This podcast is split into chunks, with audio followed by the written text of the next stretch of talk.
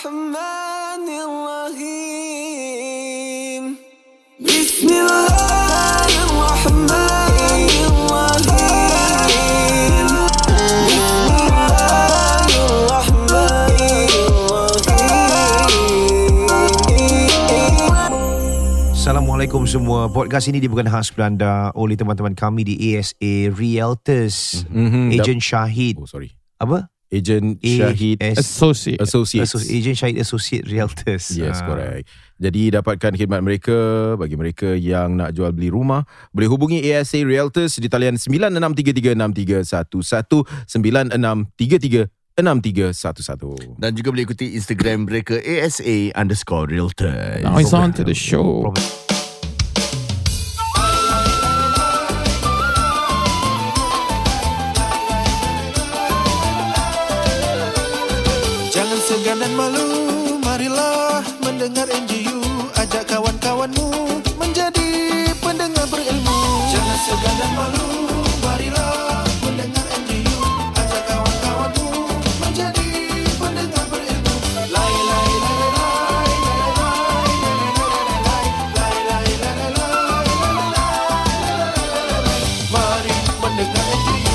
dan jawab kami ambil Hmm. kita sedang duduk bersambil-sambil Wow, amboi. dengan mata terkebil-kebil Hmm. Untuk- seperti burung ababil. Burang bil mata kebil-kebil eh. Ah ya. Yalah yalah. Ya. Dan kami doakan agar semua tidak jahil. Okay. Itu je aku boleh el lagu lah. Dan ada lagu Jumpy daripada Hail. Bil- Husaini, Hail Husaini. sorry. Ya, bila buat korban jangan seperti korban si Habil. Oh, kau dah di oh, Buatlah panjang korban sangat tu, seperti korban Kabil. Hmm. Oh. Dan jangan jadi haji bakil. Ya. Ya ya ya ya ya ya ya. ya. um, uh, um, dan kalau nak mop gunakan pail. Oh. Boleh tukar bahasa, boleh, tukar boleh bahasa. macam gitu eh. Boleh macam gitu eh.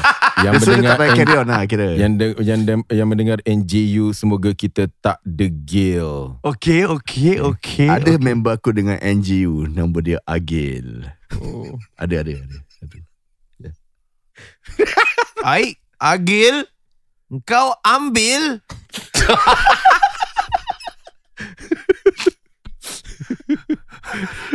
Apa tengah fikir Tengah fikir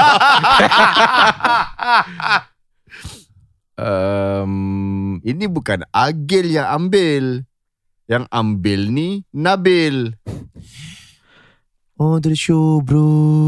Oh, dah dah on the show, dah dah bisa. dah on to the show tadi. Dia gini On to the show bros Dia gitu bro Dia gitu Dia nak kena On point sikit Tak maaf eh doktor saya tak campur ni eh. Baik, soalan, soalan, soalan. Silakan. Soalan. Ustaz ni ada satu soalan Oh, tentang Ustaz ada tak soalan yang Ustaz tak boleh jawab? ada, ada, mestilah ada.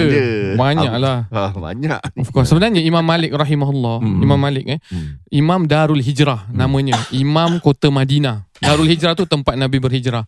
Ui. Jadi adabnya begitu tinggi. Kalau nak ber, nak sebut tentang hadis dia dia akan pakai pakaian yang hebat. Hmm. Ada kitab kitab hadis yang paling sahih dahulu sebelum adanya kompilasi Imam Bukhari adalah kitab Al-Muwatta Imam Malik. Hmm. Jadi Imam Malik imam mazhab yang hebat lah. Hmm. Jadi beliau pernah ditanya beberapa soalan Mhm. uh, dalam uh, pertanyaan orang tu datang daripada jauh datang tanya Imam Malik. Imam Malik jawab apa?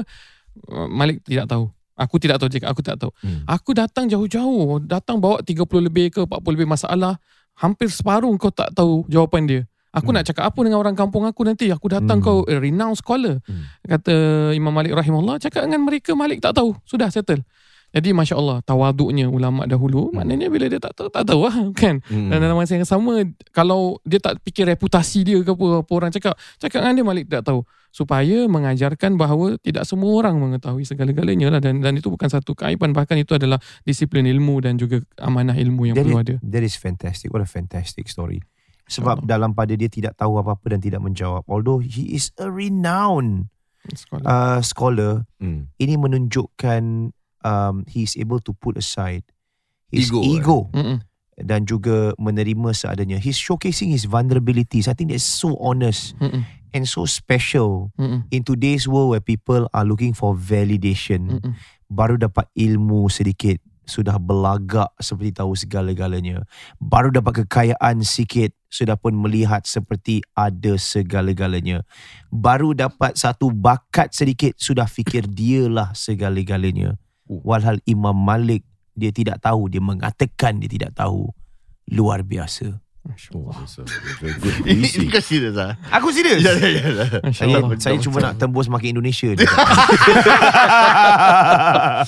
kan dia ada macam kata-kata madah ini kan. Oh ya betul. Tapi ini kalau kita layan bro, Ah. kira orang boleh feel tau. Aku tahu, aku tahu. Kalau aku aku tak aku break dia, kau serius eh? Kalau tak break, kalau kita pun dah, dah main, Oh. dah boleh feel. Hmm. Tapi ada satu soalan tentang kencing Ustaz. Boleh saya tanya ni? Oi, Minyak kencing. Eh bukan. Minyak dagu. ada member saya pakai minyak dagu eh tak boleh eh. Kurang ajar dia. aku bilang bro, kurang ajar bro. Dia cakap, eh Zizi aku nak try, aku try, aku try. Perempuan sangkut bro. Ni betul tak betul? Betul. Betul. Berapa dia beli? Dia, dia beli bro, dekat carousel ada jual. Tak kau. Serius Ha ah? Ustaz. Dekat carousel ada jual. Yalah. Dia beli, dia ada grade-grade dia tau. Alamak. Dia beli tak salah aku yang 100 and 100 plus punya. Dia try swipe dekat tangan perempuan sikit macam terkena gini swipe. Hmm. Perempuan cari dia bro, contact dia, contact dia semua. Lawa pula tu. Astaghfirullahalazim. Tak mana ni. Aku bilang perempuan tu, eh, kau tu kau dah kena minyak dagu. Hmm. Dia tak takut ke nanti nak nazak ni? Dia Nazaknya lama. Orang nak husnul Jasad khatimah. tak diterima bumi. Ha. Syirik kepada Allah Azza wa Jalla. Yalah. Kehidupan tak selamat. Mm-mm. Hmm. Ni Tak setakat- takut ke azab neraka? Ini minyak dagu tahan lama punya eh. Memang sedia akan cinta kau sampai Ada habis-habisan sampai kau. kahwin bro. Eh, sampai Hmm. kahwin eh. Ustaz sampai macam mana. Ustaz ada rukiah-rukiah orang ni? Apa dia? Rukiah kan? Orang-orang kena ah, Ya, saya rasa perkara seperti ini tentulah jelas sekali hukumnya haram. Ya. Dan kalaupun dia terjadi atas dasar sihir, atas dasar uh, kuasa-kuasa yang lain, kita tanyakan diri kita sendiri, kita puas tak hidup dalam keadaan sedemikian? Hmm. At the end of the day when you taruhlah semua jadilah eh. Dia You tak punya gentle lah, jadi, gentle lah. ah, ni kan, semuanya jadi. Tapi do you think that you achieve true love to your own spouse? Do you think you achieve happiness in life? You won't at the end of the day. Tak payah azab neraka nanti. Kepuasan dan kebahagiaan diri kamu sendiri, kamu hidup dalam kepura-puraan itu satu azab sendiri bagi saya. Man, that is so true. Hmm. Ya. That is so true. Sampai bila tahan macam ni eh? Ya sendiri you, you dapat gini dapat gini tapi Kira dalam cinta hati tak you autentik lah kira. Ah, dalam hati you sendiri you tahu oh ni tak betul, ni tak gini, ni ni itu ke tidak ada ketenteraman, kesejahteraan, merasa kepuasan tu tak ada. Hmm. Itu sebenarnya yang lebih mahal daripada mendapat siapa yang kita nak. Itu sebenarnya lebih mahal kepuasan diri kita tu kan. Mm-mm. Walaupun tak dapat lah, tak, tak, dia tak pakai minyak dagu. Hmm. Dia cuba sound kacip wanita tersebut tak dapat. Hmm. Tapi at the end of the day Dia tak rasa ter, Menipu orang Dan dia dapat jodoh yang lain Dan sebagainya Dan hati dia lebih tenang Daripada dia dapat Dan setelah 20 tahun 30 tahun Oh aku dapat dengan cara sebegini. Macam mana nak, nak jawab Dengan ketenangan hati tu? Itu lebih mahal lah bagi saya I see. Soalan lain. Tadi air kencing tadi macam mana? Bukan ya. Kan. Air kecil tadi macam mana Zeros lah Tadi soalan apa tadi? Assalamualaikum semua. Waalaikumsalam. I have a question to ask Ustaz. Hmm. I've been having this issue recently where I feel like urine leaks after I leave the toilet. Okay. Pergilah, pergilah doktor tanya ustaz pula. Hmm. Dia tak berdehem Oh, habis ya tu. tak juga. Eh soalan untuk doktor. okay. Ustaz Ustaz, nak buat apa? Takkan nak sunatkan Ustaz lagi. Apa-apa dia okay dia cakap, I only noticed this quite recently. Hmm. Ada kena dengan solat. Ada ada hukum Oh, agama. cerita Itu- solat ya, dia. Intro, Ah, intro. Saya tak maaf, lah. Maafkan saya lah. Maafkan saya. Saya ambil balik lah. Saya tarik balik lah. Ustaz ambil usuluddin bukan ambil doktor medical. Oh, ni. Eh, Usuluddin. Pengajaran dia. eh. Syariah tak itu itu mungkin hukum solat bab syariah lah. Oh, sorry, sorry, sorry. Maaf. After washing myself, after urinating, selepas saya beristinja, Hmm. Ah. saya tinggal saya keluar daripada toilet and somehow like was-was that urine is leaking or dripping masih ada rasa macam uh, sedikit-sedikit sisa kencing Hmm. Alamak. yang ada lah. Then sometimes I'll even go to the extent of smelling for any traces of urine on my underwear. dia pergi cium suara dalam dia lah. Ada bau hancing ke tak. Sometimes it Adakah does ada have masalah, smell. Said? Memang memang ada lah bau dia. Saya akan cuba uh, leraikan dari sudut sains eh. Okay, oh, baik. ada masalah dari sudut cuba membau kencing sendiri ya. Okey, bagus. Teruskan. Okay, baik. So kelakar Sorry eh okay, teruskan So if I were to realise the smell after making my solat, Ustaz, sah tak Ustaz? Satu eh. Or say I'm out and about, saya keluar, was-was dan saya bau suara dalam saya lagi sekali. Waduh. Dan dia, dia kena, Why find dia kena funny, kuat eh? bau suara dalam.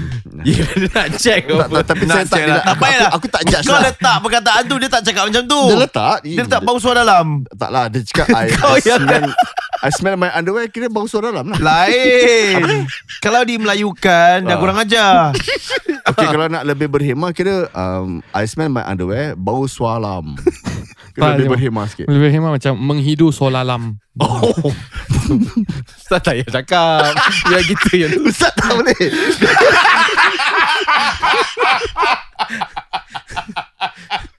Dia kena meng, Menghidus seluar kecilnya. Oh, so, Tak payah lah tu Udah lah yelah tak payah. Baca lah Ini grammar Kasi habis How to go about making wudu and solat since I can't change. Pasal saya tak bawa soalan banyak, saya bawa satu soalan alam je. Betul lah Z Betul lah. This has been stressing me out lately. It is possible that it could be a medical condition that I need to get checked. Yes Oh, yeah. You have to lah. Yeah. Saya rasa tak berdehem kot. Oh, kesian eh. Okay. Saya, ya, silakan dari sudut sains dulu. Dari sudut sains ni saya nak sentuh Bau sualam Slolalam. Ya kita boleh bau lah Kita boleh cuba untuk bau So saya ini yang saya sangsi ni eh Kita cakap cu- Cuci bersihkan sampai hilang baunya Mm-mm. Tapi ada beberapa lagi piawaian kan Mm-mm. Bau rasa warna. Rasa Uh, tapi kalau semata-mata Hmm. bau payah. Sebab apa? Hmm. Walaupun kita dalam keadaan yang sangat hancing sekalipun eh. Dia akan dapat satu level tu yang mana hidung kita akan tak dapat bau kehancingan. Huh? Sebab dah terlalu sebati dengan bau yang ada di sekeliling. Oh. So di dalam hidung kita ada this part of the nose di dalam sebelah atas tu dinamakan olfactory cells. Mm. Olfactory cells ni dapat menghidu bau-bau yang kurang enak. Bau-bau apa lah kita bau. Tapi- Pungent smell. Ha.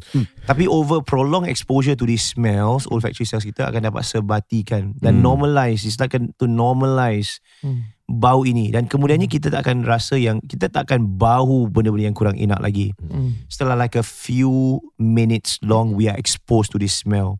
Which is true. If you are in a very smelly room, Oh ya. you're inside for a few moments you feel eh bau busuknya. Yeah. But over time you get used to it. Oh, I see. That is the yalah. amazing thing about a human body. It adapts to the situation that we're in.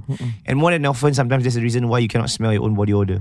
You cannot smell your own macam bau um, apa baju yang dah berpeluh and then bau Hmm. hanyir. Tapi orang lain diri sebelah macam, hmm, bau you gimana ni cepat.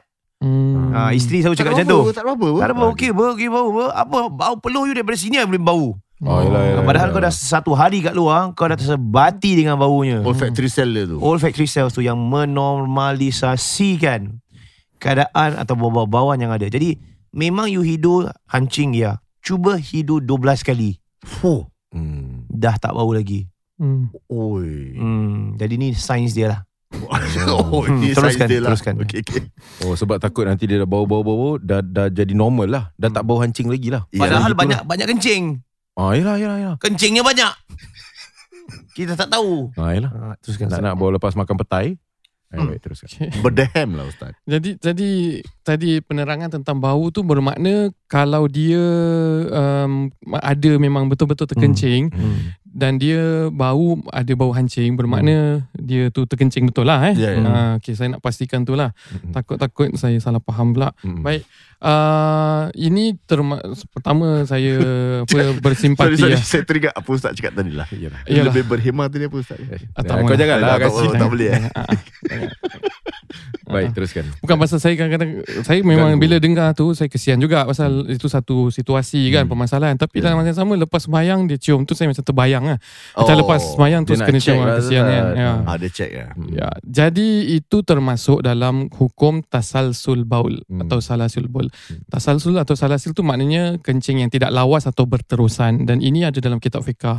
Dia mengambil hukum orang yang istihadah seperti wanita yang istihadah juga. Hmm. Bermakna walaupun dia mengandungi najis Mm-mm. tapi kalau itu sudah diidentifikasi ataupun didiagnose oleh doktor bahawa memang itu adalah satu uh, penyakit ataupun keadaan yang dia hadapi pada ketika ini atau seterusnya maka dia hanya perlu mengambil wuduk ma- ma- okay, masuk waktu bersihkan apa yang ada dahulu uh, tukar seluar kecilnya tukar pakaiannya yang terkena najis Hmm. Kemudian ambil wuduk seperti biasa Kemudian solat Seandainya kalau dalam solat sekalipun Dia terbuka, terkena Atau lepas solat pun terkena Walaupun yakin tu memang confirm najis Hmm. Dia tidak perlu mengulangi solat Tetapi dia perlu pastikan Bahawa dia memang ada penyakit sedemikian Dia bukan sesekali datang Kalau tak tak pernah-pernah uh, setahun Tiba-tiba dia lepas solat Dia rasa macam terkencing Itu memang betul-betul terkencing Hmm. Ha, kan terkucil atau terkencing. Tapi kalau dia memang ada penyakit yang terbiasa sedemikian, maka itu dimaafkan. Pergi research mengenai istihadah tasalsul baul yang mana tadi saya dah sebutkan. Bersihkan, dah lepas masuk waktu ambil wuduk, kemudian solat seperti biasa dan solat uh, wuduknya validity hanya pada satu waktu solat. Satu waktu solat saja. Ha, jadi kalau zuhur, zuhur lepas as, waktu asar kena bersihkan lagi kena ambil wuduk. Tapi tak payah mengulangi zuhur yang walaupun ada najis selepas itu. Ya, Hmm. kami doakan moga-moga keprihatinan anda uh, menjadi apa satu benda yang Allah SWT ganjarkan dan Allah terima amal ibadah anda Hmm. dan uh, di sini ada keringanan dalam agama dan moga-moga yalah kalau dia rasa leceh ke apa susah mungkin ada pakcik-pakcik orang-orang tua kan dia dia cakap taruh tisu Hmm. Ah, ha, ya, taruh ya. tisu kan jadi dia tak perlu nak tukar-tukar seluar kecil atau apa uh, Yelah solat dalam dia lah. Ah. Slow lalam. uh, tak Okay. payah selalu tukar Hmm. so dah taruh, taruh tisu tisu tu saja dibuang eh Hmm. uh, dan sebagainya wallahu alam Dan uh, juga kami ingatkan kepada anda semula kerana NGU juga pada tahun ini kita kendalikan tiga buah negara untuk melakukan Oh, korban ya. dipersilakan sahaja. Kita ada di Indonesia, Kenya dan juga Bangladesh. Hmm. Untuk keterangan lanjut anda boleh ke NGU.sg garis miring shop. Ayo sama-sama kita melakukan ibadah kurban untuk tahun ini. Semoga dapat pahala dan juga menjauhi daripada musibah-musibah kerana kita membantu orang pasti Allah akan bantu balik kita kan. ya InsyaAllah. Hmm. pada bulan Zulhijjah ini antara ibadah selain daripada haji adalah ibadah korban tu sendiri ni Hmm. syiar Islam. Jadi dia penghapus dosa. Nabi SAW bersabda sebelum lagi ah, darah itu sampai ke bumi eh, Allah SWT sudah menerima amal tersebut dan menghapuskan dosa. Jadi dia bukan hanya komunal ataupun memberikan sedekah Hmm. tapi dia adalah satu benda yang uh, syiar agama, menghapus dosa, menang- mengangkat darjat supaya mendapat pahala Hmm. dan juga kemanfaatan dan barakahnya diagihkan kepada mereka-mereka yang susah dan betul-betul mengharapkan. Okey, jadi tengok NGU.sg garis miring shop dan kita akan berehat seketika. Kita akan bersama teman-teman kami daripada ASA Real. Jadi bagaimana Ustaz? Podcast NGU Akan kembali selepas ini. Sana syuaya ma'ana. Podcast ini dibuatkan khas kepada anda oleh teman-teman kami di ASA Realtors. Bagi mereka yang memerlukan uh, consultation, hartana, jual beli rumah secara percuma, hubungi ASA Realtors di talian 9633 6311 9633 6311. Dan juga boleh ikuti Instagram mereka ASA underscore realtors. Masih lagi bersama Ejen Syahid ya. Hmm. Ya saya. Um, Ahlan wa sahlan wa marhaban bikum jami'an. Wah, ni Jazakallahu khairan kathiran anna sang La takda. Insya-Allah insya-Allah. Jangan marah lah. Itu je aku tahu lah. Sorry. Ada tak apa tu uh, apa tu pan, uh, pengalaman yang membuat uh, Syahid uh, la taghdab? Allah tak tahu. Dia tak marah, dia tak marah. Ah, tak for me as a person kalau orang kenal memang saya jarang marah. Ya. Okey It's bro. Kau pernah marah apa dulu main bola kau marah aku? Bola aja, bola kenal. bola serius ya. Dulu kita main bola dulu. So kira uh, Syahid dulu uh, kita Apa aku ni satu position? sekolah lah. Oh, sama, sama. Striker weh. Dia Striker, is a eh. very good player lah. Really ya? Ha, Nuz, kira Nuzan ni orang ni memang uh, Hmm. player yang bagus lah. Eh, di di sana lah. Nuzan, Nuzan, Nuzan bagus? Nuzan Nuzan bagus main bola. Oh dia left legged tu. Dahsyat. Eh, Ah. Dia left flick punya. Siapa-siapa nak belanja makan lepas ni? okay. Baik. Oh tapi tapi sebelum tu saya tadi rasa ada bila Ejen Syahid berbual tadi kan. Hmm, Saya rasa bangga juga. Kenapa? Pasal saya duduk sebelah dia, dia punya semangat nak me, apa, mencurahkan ilmu tu Hmm. ada dalam diri dia tu. Ya. Ha, walaupun kita dulu kat Mesir kan dia, dia, Ya. dia, dia, dia, dia cakap aku balik tak nak jadi ustaz lah kan tak, tak jadi ustaz lah. tapi Hmm. tapi dakwah punya jiwa tu adalah siapa dah belajar agama semua kan Ramai orang dah pergi Mesir balik tak nak jadi ustaz eh. ha, tu ada lagi satu juga Ada yang kena hantar no choice mak apa hantar pergi sana nak buat macam mana. Ada radio dah ambil. jadi dua ambil entertainment terus lupa.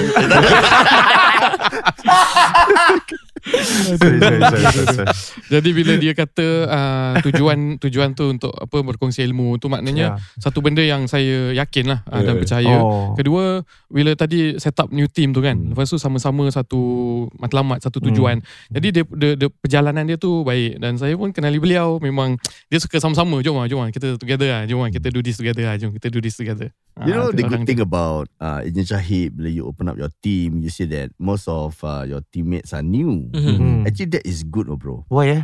Because why? Because uh, bila orang buka team eh bro eh, Aha. ada experience agent dah masuk eh. Diorang dah pandai bro. Dah pandai. Oh interesting sini. Diorang akan pada pandai bro. Really man? Maksud bro, I'm not Maksud- lying to you bro. Sekarang eh, I mean, I'm not giving an advice to all of you, but this is what I see when I was in real estate. Mhm. What you Okay. see? Bila agent baru masuk, diorang semua tengah semangat satu hati bro. Hmm. Tapi bila semua dah busy with your own appointments, it's not easy to gel the team again. Agent Syahid, you should know. Mhm. I mean, this is what I see. Okay. Jadi nanti satu dah start keluar, satu buka team sendiri, dah, dah individualistic bro semua. Mhm. Because they start to get busy, they can earn on their own. Nak meeting pun tak boleh turun. Dasar. That might happen bro. That might happen. Because when they start to earn, I mean easily I tell you, I'm not I'm not lying. Okay, kalau you all constant, you follow Agent Syahid my system, Hmm. easily six figure every month. Tapi kalau orang buka sendiri pun Agent Syahid overriding oh. Yes, correct. Jadi kalau Agent Syahid punya mindset, aku tengok Agent Syahid ni, dia punya mindset, dia tak mindset seorang tau bro. He can just earn alone. Ya. Kalau dia cakap apa tau, okay, korang closing, ah nanti aku dah boleh relax lah. Hmm. Jadi kalau ada masalah baru cari aku. Okay. There are a lot of managers like that. Mhm. It's not easy to manage people. It's not. It's not, it's not. Mhm. Jadi for him, aku believe, let's say kalau semua dah boleh fly, then you will have to, you are the pioneers guys. Kalau bawa korang dah ada 20, 20, 20, 20, 20, korang dah boleh relax lah. You I ke? Yes bro. Berapa orang dah boleh relax? Diorang lah. Let's say now, aku tengok, you say you got 12. Mhm. Okay, yang aku nampak sekat sini ada 7. Hmm. Kan? So if let's say all of them, they manage to do recruitment, Mhm. diorang dah boleh relax bro.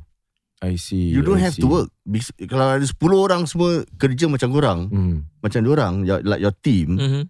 one one man can easily earn maybe 30k without doing anything bro. Tak termasuk Hmm. closing diorang sendiri tau. Easily six figure I Cuma that's the thing lah. I mean, per the- month. Yeah. Yeah, cuma that's the thing lah. I mean, again, ada ada satu starting point kan. Kita ada kita punya own purpose lah. Mm. That's the whole thing lah. Kita build on purpose systems. Hmm. Even if let's say monetary setting aside kan, kita punya again lah priority is to share. Yes. Nak kongsi ilmu. Kalau walaupun I foresee myself to be in this industry very long lah. Hmm. That's why I decided to build a team because I know that this is where I want to be. This is what I want to do for I don't know when until maybe until I die pun insyaAllah. Hmm. yeah, because kita nak kongsi lah. Kita kalau kita dah earn a lot pun, I think the still principle or the mission of sharing this knowledge to our community, insyaAllah will be strong to our team lah. That's our roots lah. Kita punya as, uh, roots lah. One experience that I want to Uh-huh. share, I pernah dipanggil untuk datang rumah ni. Uh-huh. Satu kali tu dah nak dekat waktu lepas maghrib. Mhm. So I came, ramai orang kat dalam rumah. Ni waktu agent Razia dulu. Ah, time tu lah. The one. Fuh, ada aku the petik- one. Aku lah nak kira. Okay. Tapi tak boleh pakai the one eh. Ya, pasal hanya satu saja Allah saja yang ada. Jadi aku masuk alam. Aha. Dan satu pakcik macam rock-rock gitu Aha. dekat pintu. Oh ni awak yang ejen rumah ni eh? Ah masuk masuk masuk. Okay. Ya, asal ada orang macam sedih-sedih semua tau bro. Aha. Rupanya ada kematian bro. Innalillah. Hmm. Ya, so bapak dia dah meninggal and bapak Ah. dia kat dalam bilik. Hmm. Jadi orang semua tengah baca yasin, ada yang tengah baca yasin. Mhm. Mm-hmm. Luar-luar ni nak bincang pasal rumah bro. Fuh.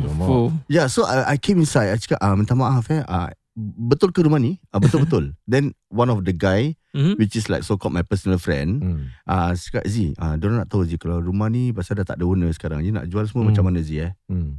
Then I say, bro, sorry ya bro. I got to make a move. I mean, Aku tak selesa nak bincang sekarang bro. Hmm. Yalah. Maybe besok ke After next 2-3 days Kau call aku lah Hmm. But hmm, not now lah bro hmm, Eh, Aku minta diri dulu lah bro Oh. Saya jalan I, I, I balik tau hmm. Jadi pakcik tu jangan Apa punya agent ni Datang terus balik Yang pakcik rock tu Pakcik rock Alamak. Okay. ah, Terus aku keluar Because I don't feel comfortable to Kau do tak that balas Aku balas lah kalau itu Kau cakap apa? Kau cakap apa tadi? Ha? Apa? Kau? Eh rocker Kau cakap apa tadi? Kau kurang ajar eh Oh kau gitu Mati eh? kan kau cakap macam ni kenapa? Kau tak ada adab ke? Oh. Aku macam tu gitu eh? Sebab tu aku tak jadi agent Ah. ya, ya, ya, ya. Jadi saya Oh, ya, pernah, pernah melalui pengalaman macam ni tak bro? Any experience like this? Uh, quite similar tapi Hah? belum Ada? ada. Tapi interesting lah, interesting. That's Okay. why I say this industry is really interesting lah. Hmm. I think I can share one uh, experience on my own eh yang I can I mean sampai sekarang pun masih kita ingat. Oi. Uh, I was called upon Dia katalah uh, Satu orang call ni Yang call pun bukan uh, The so called family members uh, Direct lah Hmm. Dia punya anak Punya Kira one of the owners punya anak lah Hmm. Okay. uh, I think he knows me He call eh, uh, Kata ada yang panggil ustaz eh. So kata Hmm. ustaz boleh tolong tak Saya Oh. punya family member ni Diorang ada uh, question nak tanya Pasal rumah Pasal faraid and everything Hmm. Then in my mind okay lah Kita, tahu sikit-sikit here and there kan Hmm. uh, So kita pergi Cuma when I went to the house Wah interesting dia Pasal eh ni macam selalu kat drama je kita tengok Masuk je Dah ada uh, There's a grandmother uh, bed, Hmm. Bedridden lah eh uh, Sebelah macam katil hospital tu kat sebelah Hmm. Lepas tu dalam dah ada dalam empat uh, Adik-beradik lah Hmm. Ah, then after that dah duduk Eh okay Tunggu ingat ah, Dah lima loket? Oh belum belum Kena tunggu lagi tiga. Oh, Lagi tiga eh Oh ada tujuh adik-beradik Okay. ah, Dalam dah nervous sikit juga ah. Ni Hmm. macam Like I said lah It's my Tengah first tunggu dia senyap eh? Ah, Tunggu-tunggu macam Krik-krik sikit lah. Kau nak Dia tak apa berbual eh? Pasal belum dia kata tak ah, dia, Ada yang dah start nak tanya-tanya tau. Dia Oh. kata eh, jangan-jangan Jangan tanya apa-apa dulu. Hmm. Tunggu semua dah datang Baru Oh tanya. Ah, So Pasal dia orang tak nak Any ada dah lah, Any disputes ke apa-apa kan. So Tapi dah okay. teh tarik tak? ah, Ada ada ada teh tarik dengan Ada kulit pisang. Ah, Patut Kan? datang Standard lah eh. Cuba siapkan teh tarik Pasti saya akan datang Tapi yang ni ada ada goreng pisang. Yeah so interesting lah So bila tu Tengah tunggu Just make small talks here and there uh, Then Kiblat mana? Ada. tak ada. Solat dalam. Tu waktu belum masuk waktu lagi. Oh, belum Solat lama-lama eh tak payah berbual Ya, ya, ya. Tapi kalau ejen datang rumah Ejen kalau solat Confirm menang hati owner bro Ya ke Ya Kau kena semayang bro Tak boleh tak boleh Astagfirullahaladzim Mana boleh sembahyang untuk menjual? Ha? Oh tak tahu eh Ustaz Nuzam belum bercakap lagi. Ya, ya, ya. Maaf Ustaz eh. Hmm. Kita gurau eh. Jangan judge kami Ustaz. Teruskan. Encik Okay, uh, so bila dah tunggu dia punya tujuh adik-beradik datang, Hmm. uh, dia orang kata okay, boleh mulakan. So saya kata okay, uh, mulakan dengan soalan apa yang dia nak tanya. So dia tanya. So one keep on asking from You tak Ah. bermula dengan Innalhamdulillah. gitu. Lambat tadi Lagi tiga adik-beradik lambat datang Oh, ya. Uh, Ah, tu teruskan. takut nanti dah lama sangat kita ada banyak appointment ni. Kita tak. tak lah lepas tu bila Kisah dia pasal apa? Ha, Ya, dia dia. dah, dah, dah mula Dia tanyalah uh, Apa hajatnya and everything Saya kata okay Sekarang cerita dia Diorang cerita lah Ada one of the uh, Elder sister eh. Hmm. Cerita dia macam gini Rumah ni Yang kita dekat sekarang ni okay, Is uh, joint ownership Between the grandmother Hmm. Which is their mother lah eh. Hmm. uh, Their mother Dengan uh, one of the sister Ya. Okay. So ada tujuh adik-beradik eh So satu uh, Salah satu adik-beradik tu Is one of the joint owner With the mother Yep. Okay Okay, so now the question goes, if let's say the mother pass away, pasal mother dah bedridden Hmm, lah kan, hmm. mungkin, yalah, people uh, are expecting here and there. So Hmm. kalau meninggal, so orang tanya rumah ni jatuh kepada siapa? Ya. Uh, so I think kalau kita tahu the recent fatwa, uh, I think in 2019 if not wrong, Mhm. so there's a new fatwa who says that kalau the house is being hold under joint tenancy, eh, Hmm. So there's this thing called the right of survivorship. Meaning Ah. salah satu meninggal hak penuh akan pergi ke orang yang survive lah. Dia, Fuh Hmm. ah, dia hidup panggil the rights of survivorship. Itu kakak gaduh tu lah. ni Ah, which is the kakak ah, Ah, correct? ah. Ah, so now let's Boleh say gaduh ni Ni fatwa apa? Fatwa dah keluar. Nak gaduh apa? Fatwa tak fatwa, gaduh Ah. tetap gaduh. Ah, Habis adik-beradik dia nak satu hutang semua Ya, Ikut so- mazhab, ikut mazhab mufti lah. Benda Dah boleh gaduh. fatwa. Benda boleh gaduh. Buat apa bincang? Jangan Kita je terperanjat lalai. Jangan terperanjat ada adik-adik engage lawyer Tapi fatwa dah keluar. Ah, yalah. Ikut je lah fatwa tu nak Ah, lawyer comes apa. To, comes to money dah tak ada agama lagi bro Cik sorry, sorry. Macam mana? Sorry, sorry, sorry. Yeah, so uh, for my own Hmm. uh, point, I just share lah. Kita share pasal fatwa tu. Okay. Uh, of course, don't tanya-tanya. Of course, later after that, maybe they have gonna have a Oh. family discussion. Eh. Adik tersengih Ah, adik okay. So uh, I was telling them ah, memang this is how it is. Uh, the Hmm. policy is like that, fatwa Hmm. pun is like that. HDB policy pun sama juga. So now fatwa dengan HDB policy dah sama. Hmm. Uh, so there's no co- dia cakap macam Islam apa ni? Ada. Kan, ada, kan, ada, Tak ada cuma ada macam uh, abang kat sebelah diam je tak cakap apa-apa. Of course lah Abang dah tak ada share apa tak lah af- after that dekat ujung baru cakap. Abang tengah tunggu ni Satu kad Faraid dia belum keluarkan Ya. ha, Faraid Abang dapat Faraid Lebih banyak daripada adik Tapi kan? tapi ni fatwa bang Takkan kita nak Faraid pun agama juga Faraid Alah ha, itulah. Ya. oh, oh. So bila dia dah cakap itu saya cakap ah Hmm. kira kalau uh, demam meninggal Hmm. uh, mak dia pun dah tak dengar sangat so macam one of the sibling kena bisik kepada mak dia lah about whatever I'm saying so dia nak kena bisikkan Macam tu, eh. Ah, nak Allah. bisikkan Tapi Alhamdulillah Mana? so far uh, Okay pasal Diorang bukan garu-garu punya type lah Diorang just nak inquire Nak Ah, nak nak, kepa, orang tahu nak kepastian lah So bila dah buat Cakap okay ni Kalau mak meninggal Ni rumah ni akan go To uh, kakak dia lah One of the daughters Hmm. uh, I mean uh, one of the sister The ownership of the house Correct lah. Because dia joint ownership Yes Ah, correct Joint ownership. So biasalah Joint ownership ni kadang-kadang Bila dia masukkan nama tu Pasal uh, yang anak ni tak kahwin Tak ada uh, Tak ada rumah sendiri. So normally that is Okay. how people masukkan. Dia pun tolong bayar rumah lah mungkin ya. Ah mungkin lah eh bayar rumah. And uh, the other siblings uh, Same thing lah. Diorang cuma nak tahu je Ada hak ke tak ada hak Dalam rumah ni. Aduh. Ah, So bila kita dah share Cuma again lah At the end of the day uh, I was telling them This is how HDB uh, views it And Yeah. this is how our fatwa views it. Uh, But again uh, I was telling them Dan ini Let's say you are talking about Faraid eh. Again eh, this one my personal opinion Nanti bila tanya Ustaz eh. Hmm. uh, Faraid is not macam a thing yang compulsory semua orang nak kena ikut.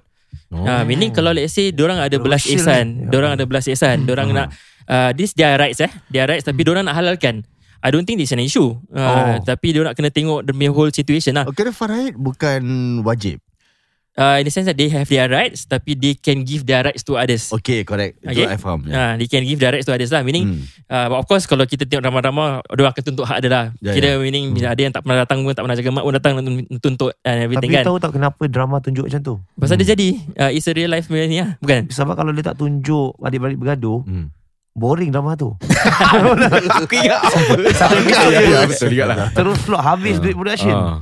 yeah. So again lah plot My, my conclusion Ah. to the whole case I was telling about HDB policy I was saying about the fatwa Hmm. But my conclusion is uh, Again you as a family Nak kena discuss lah Hmm. So kadang-kadang mungkin uh, The anak yang The sister yang Joint owner tu Mungkin tak contribute apa-apa Mungkin adik-beradik yang lain Yang contribute uh, Adik-beradik yang lain Nak tolong and everything So at the end of the day I was telling them Okay this one you have to Discuss family But again Hmm. uh, Faraid is there uh, To assist But if let's say All of you decide to Satu hati Nak kasih rumah ni Kepada your sister Oh, habis Ah. kasih. I mean I, I didn't go Mana until there lah dia kasih? uh, Kira After that Tak tak their, their, their own What they call it Their own discussion lah But Yeah, I'm just saying On paper The sister owns the house If Right. the mother uh, pass away Hmm. And then I even on see. fatwa pun The right of survivorship will be there The house Aha. belongs to the uh, sister, Sister. juga Man. Okay But if let's say they want to do otherwise Then all of you have to unite And depends lah what's the situation And my conclusion like I said lah Kita at the end of the day Kita nak ada belas ihsan kepada orang Ya.